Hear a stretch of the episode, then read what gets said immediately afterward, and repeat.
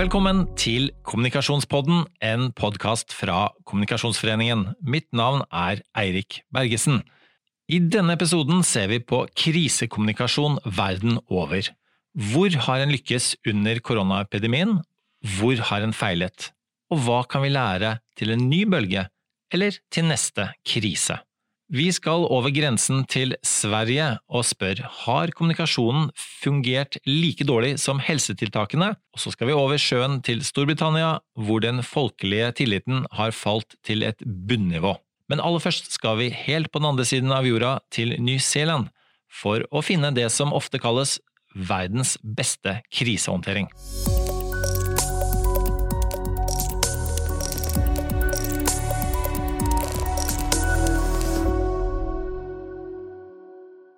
Da har vi med oss, helt fra den andre siden av jorden, Katrine Sisler. Hei, Katrine. Hei, hei. Du er i New Zealand. Ja. Og til vanlig er du kommunikasjonsrådgiver ved Oslo OsloMet, arbeidsforskningsinstituttet der. Nå er du på opphold i, eh, i Otau, Taha Den tar vi en gang til. Otau Tahi Christchurch. ja. på New Zealand. Og det er, jo, det er, jo, ikke bare det jeg ikke klarer å, eh, få til. Til og med sånn, en, den klassiske maori-hilsenen eh, er, er, litt vanskelig. Den får vi til. Det får vi til. Og, og, det er også en av grunnene til at det er problematisk òg, er jo at det er jo panne mot panne, og veldig um, uhensiktsmessig midt i en pandemi. Ja, jeg er litt usikker på om det er lov å gjøre den hilsen nå. Men eh, egentlig så er jo veldig mye akkurat som vanlig her nå. Vi har gått ned til det som heter nivå 1, etter denne firestegsskalaen som New Zealand opererer med. Og det er så godt som uh, vanlig hverdag. Så nå er vi, til, vi er tilbake på pannehilsen? Ja, jeg tror i hvert fall med folk det kjenner. Men det som er eh, mer eh, uvanlig, det er at eh, New Zealand på mange måter blir holdt fram som en best practice. Altså det landet som har klart seg aller best, eh, nettopp ved å go hard og go early. Eh, hvordan er det man har fått til det på eh, New Zealand, Katrine? Eh, Altså man har, eh, man har, nok eh, både hatt litt flaks, veldig flaks kanskje, eh, med å slippe unna de aller, aller, aller første bølgene som traff Europa. Ja, fordi Man var, kom litt etter i tid, så man klarte å lære litt av hva som hadde gått galt andre steder i verden? Ja, altså Man stengte grensen til Kina ganske tidlig, så sånn sett tok man et grep tidlig. og Det høres jo ikke så fryktelig farlig ut, kanskje, men New Zealand og eh, Kina har veldig tette handelsforbindelser, så det var for så vidt et stort grep. Um, men etter det så har man liksom vært Man har rett og slett vært flinke, da, slik, slik det ser ut for oss eh, vanlige borgere her, eh, til å, til å ta grep. Um, fort og, og, gi klare beskjeder, få folk til å følge reglene eh, og kommunisere fryktelig tydelig. Vi, vi, har jo en kommunikasjonsutdannet statsminister, så det er ikke helt tilfeldig, tror jeg. da. Nei, og Norge er jo et annet land også som blir holdt fram og har vært, vært tidlig ute, vært ganske klare eh, i kommunikasjonen sin. Men eh, du, og du har jo fulgt med det som eh, skjer i Norge også. Og, og på New Zealand har man vært enda litt tidligere, enda litt klarere, enda litt flinkere til å bruke kommunikasjonsverktøy. Kan du si noe mer om hva konkret er det man har gjort annerledes der borte? Ja, jeg tror noe av det første som liksom eh, slo inn her, var eh, kanskje dette nivåsystemet. De fire, fire nivåene. De ble eh, forklart ganske tidlig på en pressekonferanse at nå er vi på nivå to var vi vel da, og da fikk vi beskjed om at nå skal vi flytte opp et hakk. Så da blir det eh, strengere eh, regler for hva man kan gjøre. Eh, og så fikk vi beskjed om at der skal vi være i 48 timer, og om 48 timer så går vi til nivå 4, som er det høyeste nivået. Og da går New Zealand i komplett lockdown. Så vi har hatt en strengere lockdown enn dere, da. Eh, vi har ikke hatt lov til å gå lenger enn eh, i eget nabolag. Ikke kjøre bil hvis man ikke absolutt må. Eh, det har kun vært supermarkeder og apoteker åpne. Og eh, det har hengt plakater overalt, og vært plakater eller sånne reklamebannere i alle flater jeg har vært borti, som har sett likeartet ut eh, og gitt klar beskjed om at man skal stay home, stay safe, be kind. Eh, og så videre. Den lille, så vært... den lille ekstra be kind, hva, hva innebærer det? Ja, den er, eh, tror jeg, da litt sånn eh, kjennetegnet til Jacinda Ardern som leder. Um, det er strenge, strenge altså. beskjeder, men fullt av en veldig sånn vennlig uh, undertone. Uh, så Be Kind har blitt gjentatt. Uh, det henger fortsatt plakater nå med kunst og Be Kind rundt omkring, så den har mange tatt til seg. Um, men så tikket inn en beskjed på samtlige mobiltelefoner i hele New Zealand. Og det er da et sånt eh, nødsystem som egentlig er laget for eh, orkaner og jordskjelv og, og, sånne ting. Eh, hvor det da var klare instrukser om at nå, eh, der hvor du er i kveld, der hvor du er klokken 23.59 eh, eh, den 25. mars, der skal du bli. og de folka du er sammen med da, det er de eneste menneskene du kan ha noe med å gjøre. Og vi regner med at dette kommer til å ta lang tid. Uh, og, og, også noen, noen klare instrukser, bl.a. så sto det faktisk 'act like you have covid-19'. Mm. Um, og, og, og, jeg skjønte at du, du, eh, er jo gift med en kiwi, det er en av grunnene til at du er der borte. Og du som kommunikator, erfaren, trent kommunikator, så, så, ble du på en måte så, så glad for å se den meldingen, og hvor, at den var så godt satt sammen at du måtte bare gjenta den og gjenta den. Ja, jeg, jeg, satt og jeg studerte den, tok en skjermdom for å bli sittende og titte på den. For det var noe med eh, egentlig det som har kjennetegnet hele dette kommunikasjonsopplegget. Nettopp den der fine balansen mellom utrolig forståelige, tydelige beskjeder eh, og en sånn vennlighet, en litt sånn jovial tone som er ganske eh, kjennetegnende, syns jeg, da, for dette landet. Man er liksom ikke så formell og strenge, man er ganske hyggelige. Um, helst. Er, er, det det som, er, det det som, gjør at man får til det som nå tross alt er det, vært det strenge i Nisseland nå? At man til og med et, et friluftsinteressert, uh, entusiastisk befolkning har ikke kunnet verken surfe eller sykle på offroad-syklene sine? Ja, jeg tror, altså, uh, jeg tror, man har tatt ganske lignende grep som jeg tror for så vidt Norge har tatt også. At man har vektlagt Eh, dette med at man har et slags felles ansvar nå. Så her har man snakket om et team of five million. Som da er liksom Hele befolkningen skal stå, gå sammen om dette. Eh, de har jo ikke ordet dugnad, så det har ikke dukket opp en, en stor debatt rundt det. Men, men, den der fellesskapsfølelsen har nok funket. Og så har det jo på en måte vært håndhevet òg, da. Det, det, har vært politimenn som har sjekket om du egentlig er på vei noe sted, hvis du kjører veldig mye rundt i bil og sånn. Så og jeg skjønte at de hadde til og med grepet helseministeren på, på fersk gjerning, men selv med det hadde de funnet en løsning på? Ja, eller jeg fant vel ut at det var ikke riktig tidspunkt å gi helseministeren fiken, så han fikk beholde jobben. Men han var ute og, og, og sånn mountainbiket, som jo da var blant de tingene de hadde spesifisert at det ikke var lov. og, og de, den som ga han amnesti, var jo da statsministeren, eh, Jacinda Arden, som jo er som har både danna et slags sånn eh, dream team, har jeg skjønt på deg, med, med, Ashley Bloomfield, som er vel et slags New Zealands svar på Espen Nakstad. Og, og, hvordan er det å på en måte ha en for oss kommunikatorer så høres det ut som en, en, drøm i seg selv å ha en statsminister som har kommunikasjonsfaglig bakgrunn. Hvordan, hvor viktig har hun vært og, og hennes måte, strategiske tilnærming? Det er veldig vanskelig å vite nøyaktig eh, hvor mye som er henne, og hvor mye som er dette teamet rundt henne. og Det er kanskje litt viktig å, å nevne at um, hun har jo hatt et egentlig helt forferdelig år. Uh, med noen voldsomme utfordringer som statsminister. Um, og pandemien startet vel nesten nøyaktig, eller hele dette beredskapsopplegget startet vel omtrent da det var ett år siden moskémassakren her i, i Christchurch. Eh, så det, det, var liksom for ett år siden. Og så kom den White mm. Island-katastrofen eh, med, med vulkanutbrudd i desember, vel.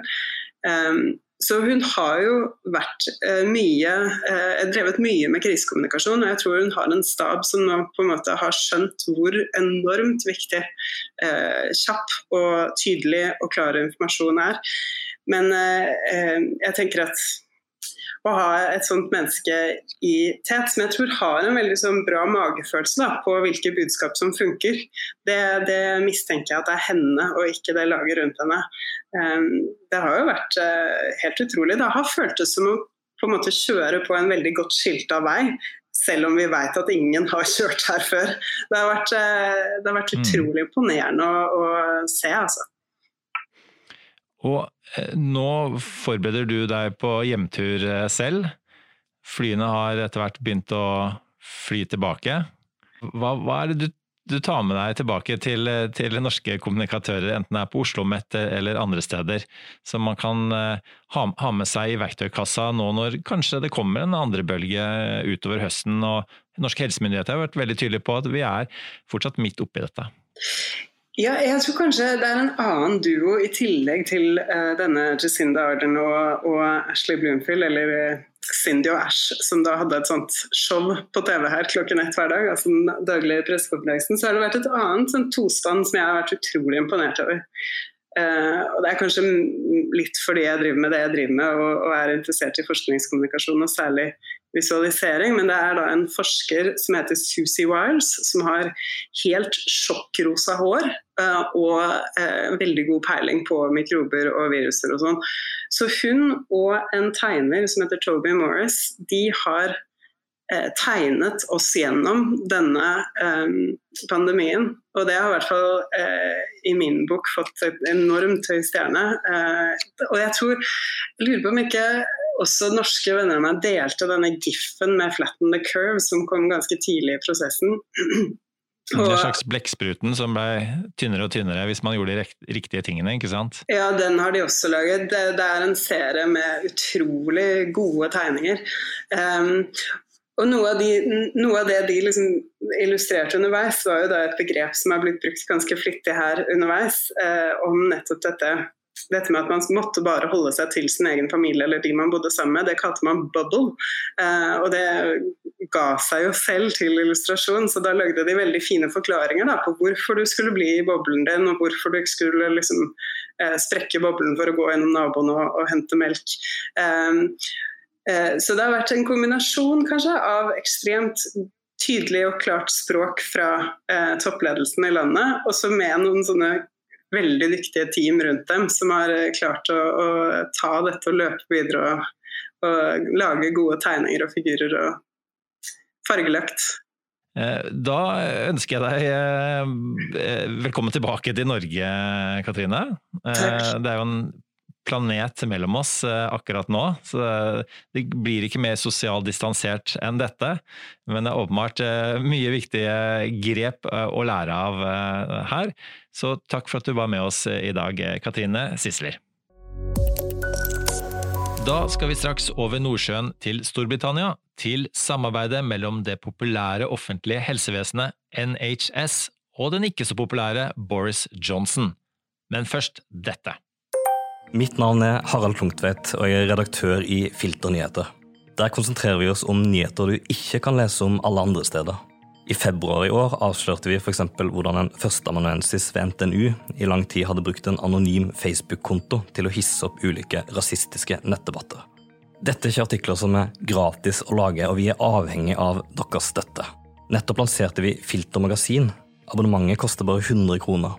Gå inn på filternyheter.no for enkelt starte abonnement via VIPS og støtte ekte, uavhengig journalistikk. Da skal eh, vi bytte kontinent. Vi skal eh, over Nordsjøen, og jeg skal bytte språk. I am now speaking English, and the reason for that is that we've crossed the North Sea to the UK, where Anne Gregory is uh, sitting patiently expecting uh, an interview. Anne, are you with us? I am with you and glad to be with you in Norway, one of my favorite countries. Um, great to have you with us. You are professor of corporate communication at the University of Huddersfield. Uh, you uh, you already mentioned that. You're familiar with Norway, and uh, you've also been former chair of the Global Alliance for Public Relations and Communication Management, of which the Norwegian Communication Association, us here uh, uh, at this office, are a part of it's it's uh, easy to invoke Charles Dickens, the best of times and the worst of times. Yes. And you started out good over there, and uh, you've you've ended up, which you yourself descri- uh, described uh, to me as uh, one of the worst examples. How did you end there, and how did you start up in in uh, the UK, Anne? I think from a communication point of view, we actually started quite well. The UK government had a very powerful and single message, which was stay home, protect the NHS, save lives. And whenever you invoke the NHS in the UK, there's a great feeling of warmth. It's a national institution. Winston Churchill called it the uh, nearest thing we had to a national religion, and I think that's true. Uh, there's a huge affection for the NHS here. And protecting the NHS, we'd seen what had happened in other countries when um, uh, other countries in, in Europe, uh, Italy, Spain, were overwhelmed. It appeared that they were overwhelmed, and protecting the NHS was the right message. So it started off really, really strongly. And that message stay at home, protect the NHS, save lives really cut through. I think the expectation of compliance to the lockdown was about 60 odd percent, and we ended up at, you know, ne- nearly 90%. So, really, real powerful cut through on the communications initially. So, so what, what went wrong here? But uh, fairly early on, one or two things began to happen. and it was really around some of the issues with the NHS. So, for example, there not being enough personal protective equipment for NHS staff, and uh, and people began to die on the front line uh, quite early on. Uh, the fact that there weren't enough ventilators, and the fact that um, fairly early on, just in, in, March, end of March, April, we abandoned the t- test, track, and trace strategy um, and uh, began to talk about herd immunity. And there was a, almost a feeling, well, we'll stop doing all the precautionary things, we'll all get it, and we'll come through this. Uh, but that was a bit of a misreading of the science, I think. And so it was the operationalization, really, of the promise that became the sticking point. And when we saw NH staff uh, dying on the front line, when we saw that they're struggling to get PPE, the government messaging around this began to be distrusted. And so that surge of affection for the NHS and the gap, the gap between you know what we wanted the NHS to do and what it was clearly striving to do and what it was able to do because the operationalization of the very practical elements weren't coming through began I think to drive a bit of a wedge. And then of course Boris Johnson himself got the disease and he was uh, hospitalized on the on the 6th of April came out on the 12th of April. Tremendous message by him about how the NHS had saved his, his life but at the mm. same stage, then trust in him and in the government beginning to to fall away. So uh, at the height of at the beginning of the uh, of the COVID crisis, at the height of his popularity, sixty four percent of people thought he was becoming, you know, a powerful prime minister, a good prime minister. And it went down to 41%. His leadership began to just slip away on this. And this has been the issue, really the gap between operations and message. How was Boris Johnson, who's known as an effective communicator, how was he able to to like him or not? He's effective. Yeah. Um, uh, how, how were you able to? How was he able to to stumble when it comes to communications, give, given this uh, starting point? Yes, this is a really interesting one and will be the subject of PhDs for years to come, I'm sure. But there was something about his uh, rhetorical style. He, he connects very much to people's emotions. But this is a time that really requires substance. And Boris is somebody who uh, he's a, a, sort of over the top leader. What I say, you know, come on, chaps, oh, out of the trenches, over the top. He can he can get people galvanized into action. But this requires really detailed and sustained operational intelligence and performance.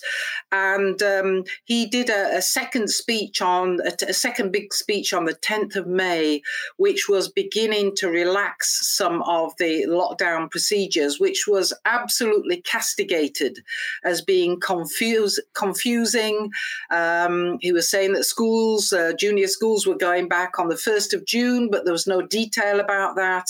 Um, he told people they could go out as often as they liked and they could go anywhere in the country. And suddenly, for that to come from a position where it was total lockdown came as a surprise and people didn't know what that meant. There was no operational detail behind that for a number of days. He should probably have made that announcement in Parliament rather than as a as a, a TV broadcast. So uh, it was then really that you can see a bit of an unraveling of this. And then, hard on the heels of that, just a few days later, on the, the weekend of the 20th, 24th of, of, uh, of May, came the announcement or the discovery that Dominic Cummings, his personal advisor, had gone to see his parents because of fears of, of childcare way up in Durham, which is 200 miles away, three, 300 kilometers away from London. And not only had he done that, but he'd been for a, a day out. Uh, and, uh, and Boris Johnson really defended his actions. And there was a feeling of hmm. betrayal, mm. I think. And that's not too strong a word by the British people who had gone through substantial hardship. You know, people had not been able to see dying relatives, had not seen their families for weeks. And what seemed to be a fairly weak excuse for Dominic Cummings going to see his parents, which was the potential of him and his partner becoming ill and looking uh, their child being looked after. It would seem to go against the spirit of the lockdown. And since then, there have been a number of announcements made, which seem almost to be deflection from that, from the Dominic Cummings affair. And and I'm a member, you know, of the of the public in Britain now, and I I, I don't really know where I stand, and and I follow this. Um, so I think there's uh, the we we have a problem in that it's it seems that the plot has been lost lost a little bit. And again, the focus on you have to follow the rhetoric with the reality of operational action is hmm. still mm. a question. So we still do not have a track and trace system for testing in the UK. We've been waiting for this for several weeks. The lockdown is being lifted, but we don't know who has got the disease. And although there's testing capacity, and the language changed around that from two, 200,000 people will be tested to we have 200,000 capacity for testing. So again, sort of slippery language around where you set these targets and you've done everything you can to actually say you met the target. You've got the chief statistician in the UK saying you're giving out misleading messages about the targets that you're meeting. Um, double counting of gloves so that we can say that we've met the target, double counting of tests so we can say that. So this seeds confusion. Um, and and it's really, as I say, go back to this gap between what the rhetoric has said and what the, the clear messaging was at the beginning and this operational gap. And mm. then the second message when we've come out of lockdown, instead of stay at home, protect the NHS, uh, save lives, became Stay alert, control the virus, save lives. Well, what does stay alert mean? Hmm. What does control the virus mean? Does it mean we'll control it? You control it? We've got everything in place to help us. Con- so, again, confusion over that. How can Britain still pick up the pace and, and uh, finish uh, higher up on the, the league table? Yes, uh, that was a YouGov poll on the 10th of June that put us as at the bottom of the International League in public perception for managing the crisis, which is not a place that we're uh, that we want to maintain at all. I think the, there is a recognition that there needs to be this bringing together of what the government says and what it does, and taking the politics out of this uh, to uh, to be clear about what they can actually put in place. I think what we need to do now is to see the government being uh, uh seen to have a grip on the detail. So bringing together the re- the rhetoric and the action that's the key.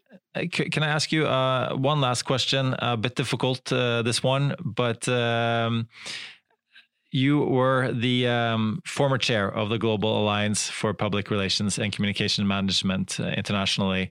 What would you say are, are the, the main lessons learned in a global perspective? Yes, I think that some of those are are beginning to to come out now. Uh, communication is at the heart of everything. I think mm. that's what we've learned around the world. You get the communication right and you build trust because you deliver on the communication. You know, you're talking to colleagues in New Zealand and, you know, uh, Jacinda Ardern earned a lot of trust because of what she she demonstrated as a leader at the Christchurch shootings, and that has carried forward. Uh, and it was about showing empathy. It's not just about facts and figures, it's about showing empathy. It's not about overtly trying to gain political capital, but you gain, gain political capital through the through the way that you behave and the way that you interact personally and the way that you demonstrate that you've got a grip on, on things. So mixing empathy and clear instruction and clear action. And you'll have heard from colleagues in, in uh, New Zealand, the lockdown was immediate and solid. The hmm. instruction mm. was absolutely rigorous, clear. But she also talked to the um, to, to the nation in uh, in her gym jams, you know, in her pajamas because she just put her child to bed. so the, there was that empathy as well, and the human side. And I'm being locked down too, and you know, one of the destructive elements in the UK was the Dominic Cummings affair, as I mentioned, and she behaved as she expe- expected people to behave. So there's that. So communication is the heart of everything. And the second thing is we have to collaborate globally. And, uh, you know, there are two nations who are at the top of the league for not doing things well. And we've been very individual in our approach. And mm. if we collaborated more positively earlier and opened up and uh, and and learned and communicated with our with our colleagues around the world, then um, the outturn might have been different. So communication, collaboration are the key global lessons. Thank you so much, uh, Anne. And the communications is at the heart of it. You mentioned we're going to take that uh, to heart. And uh, thank you again so much for your perspectives. Da skal vi eh, gjøre noe som er litt ulovlig om dagen. Det er veldig ulovlig. Det er nemlig å gå over grensen til eh, Sverige. Og der har vi med oss Katarina Gensel Sandberg. Hei, Katarina. Hei. Du er jo eh, kommunikator, seniorkonsulent, forfatter og partner i Gullers Group. Har jobbet med helseregioner, folkehelsemyndigheter i over 25 år. Godt kvalifisert til å snakke om dette. Og La meg bare begynne med det at vi nordmenn ikke får lov til å dra til Sverige i sommer. Vi får lov til å dra ellers i Norden, og så får vi også lov til å dra til Gotland.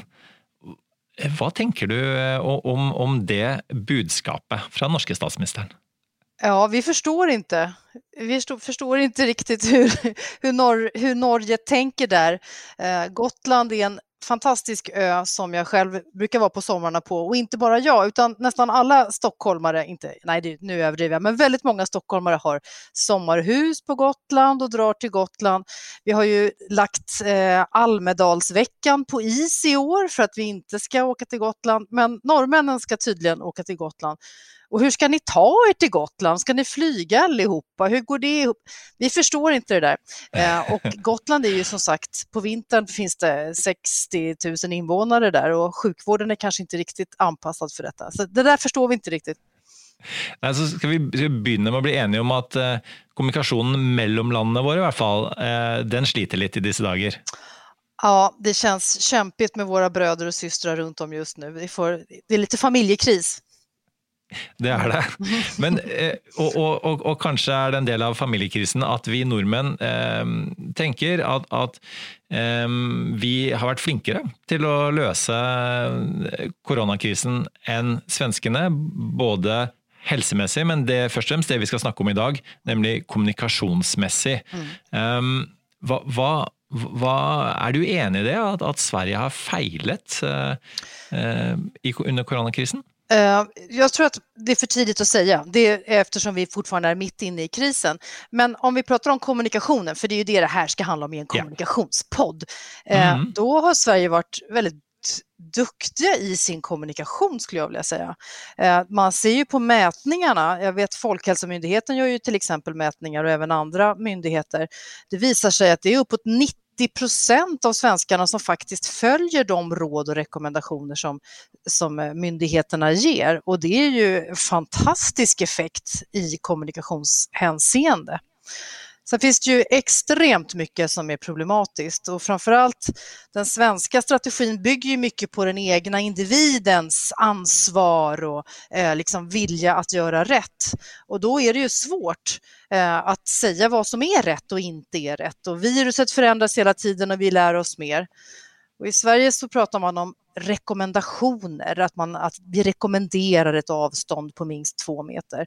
Och rekommendation, det är inte samma sak som att jag rekommenderar en bok eller jag rekommenderar en film, utan rekommendation är, är något som är grundat på vad en expert vad har sagt. Och det är samma sak med råd, som man också pratar om, Folkhälsomyndighetens råd. De bygger på smittskyddslagen man kan inte säga att man ska göra på ett vis, för det, det, är då, det kan man bara skriva i lagboken. Och det här blir ju lite komplicerat för den stora allmänheten.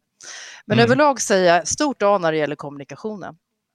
Vi har, reist innom eh, Storbritannia tidligere i denne episoden, eh, og, og, og, der har man på en måte mistet litt lojaliteten, tiltroen til myndighetene. Mens i Sverige virker det som man, man har opprettholdt den lojaliteten, og har den fortsatt. Det er stadig sinte svensker i avisene som er, er, er sure på, på oss, oss, nordmenn for at vi hever oss eh, over, over, dere.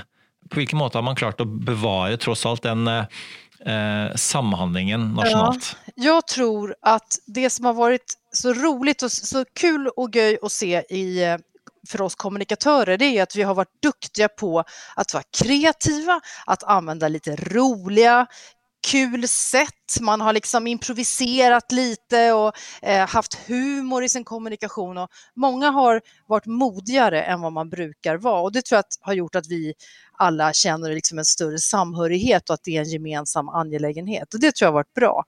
Men nu går vi in i en ny fas. Nu är det sommar, vi ser att smitt, eh, sjuktalen går ner, uteserveringarna är öppna, vi vill vara ute i solen, badstränder frågan är hur länge vi orkar. Och jag undrar också hur länge vi kommunikatörer orkar pumpa på med nya roliga. Vi behöver också semester. Och hur ska det gå då? Eh, og, og, Det er jo mye som tyder på at eh, om vi får et lite semester, om vi får litt ferie, så, så kan jo dette komme tilbake til høsten. Mm. Eh, og, og hvordan, hvordan, klarer man å justere underveis i en, i en pandemi? Eh, for å sørge for at kondisjonen varer, at, at, man, at alle forstår at dette er et maratonløp? Ja. ja. Den som hadde svaret, For man kan se en viss avtrubbning tycker jag. Vi, vi reagerer ikke lika starkt längre på hvor mange dødsfall det er per dag. Det, men, men nu börjar också de här personliga berättelserna komma om, om eldre som ikke har blivit väl behandlade i slut och, och då kommer då eh, väcks engagemanget igen. Och sen har vi ju andra, det har väl varit i alla länder, Black Lives Matter och den rörelsen har helt plötsligt så möts 5000 demonstranter därför att det är en annan fråga som också är viktig. Eh, så att eh, det är, det, jag tror att det kommer bli en, höst, en utmaning i höst för oss att faktiskt orka upprätthålla de här nivåerna som vi har haft på att så och så. Sverige har valgt en litt annen strategi ved at norske myndigheter har vært litt tydeligere på, på lover og regler. Mm. Uh, Sverige har overlatt mer til, til folk selv, som, som, du forklarer her. men kan, kan, det være at svenskene sin strategi kan lykkes bedre på lang sikt ved at, ved at folk blir, selv blir mer, mer bevisste?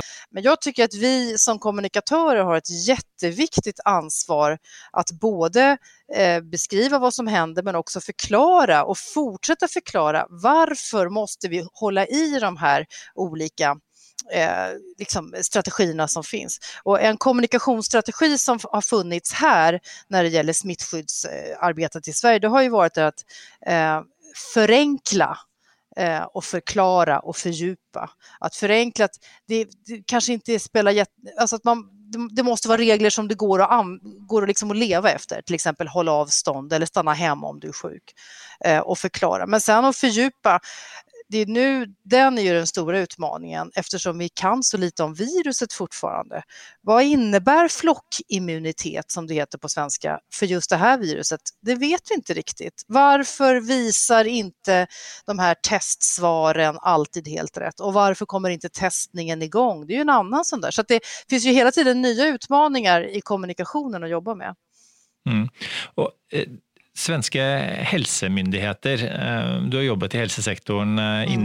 med, med, rådgivning lenge. Mm. Eh, de har fått en, en mer sentral rolle en mer direkte kanal til folket enn man har i, har i Norge, hvor, hvor, det, er politikerne stort sett som formidler hovedbudskapene.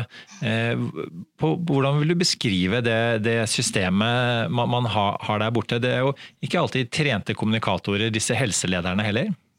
Nej, eftersom eh, eh, det finns ett väldigt stort mått av självstyre i Sverige, kommunala självstyret och region, regionernas självstyre och sen har vi den nationella nivå.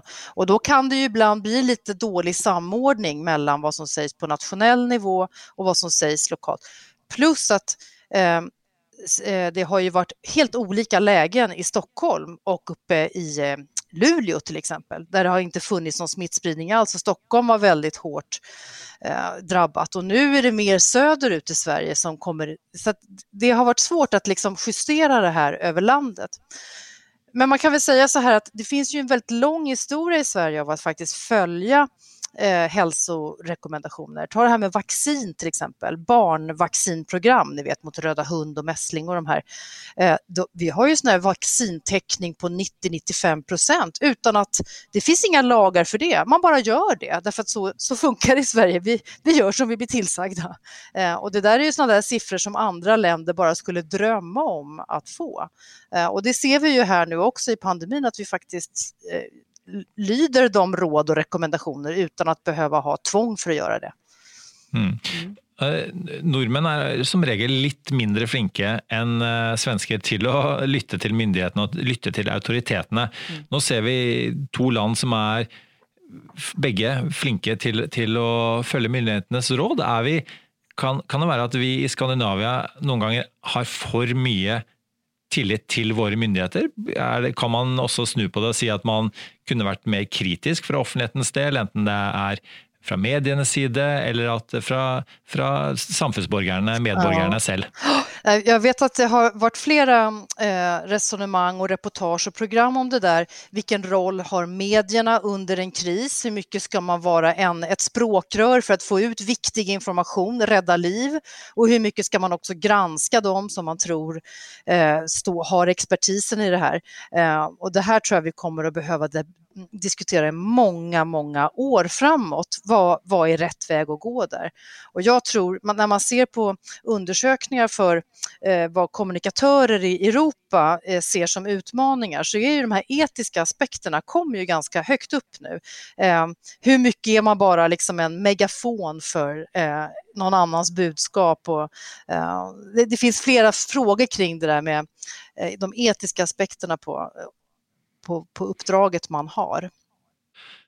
Katarina, du som har jobbet eh, på så mange sider av dette med kommunikasjon og, og foredratt og skrevet bøker om det også. Hvordan, på hvilken måte er det, vil du si at krisekommunikasjon, eh, f.eks. under koronaen, skiller seg fra vanlig kommunikasjon?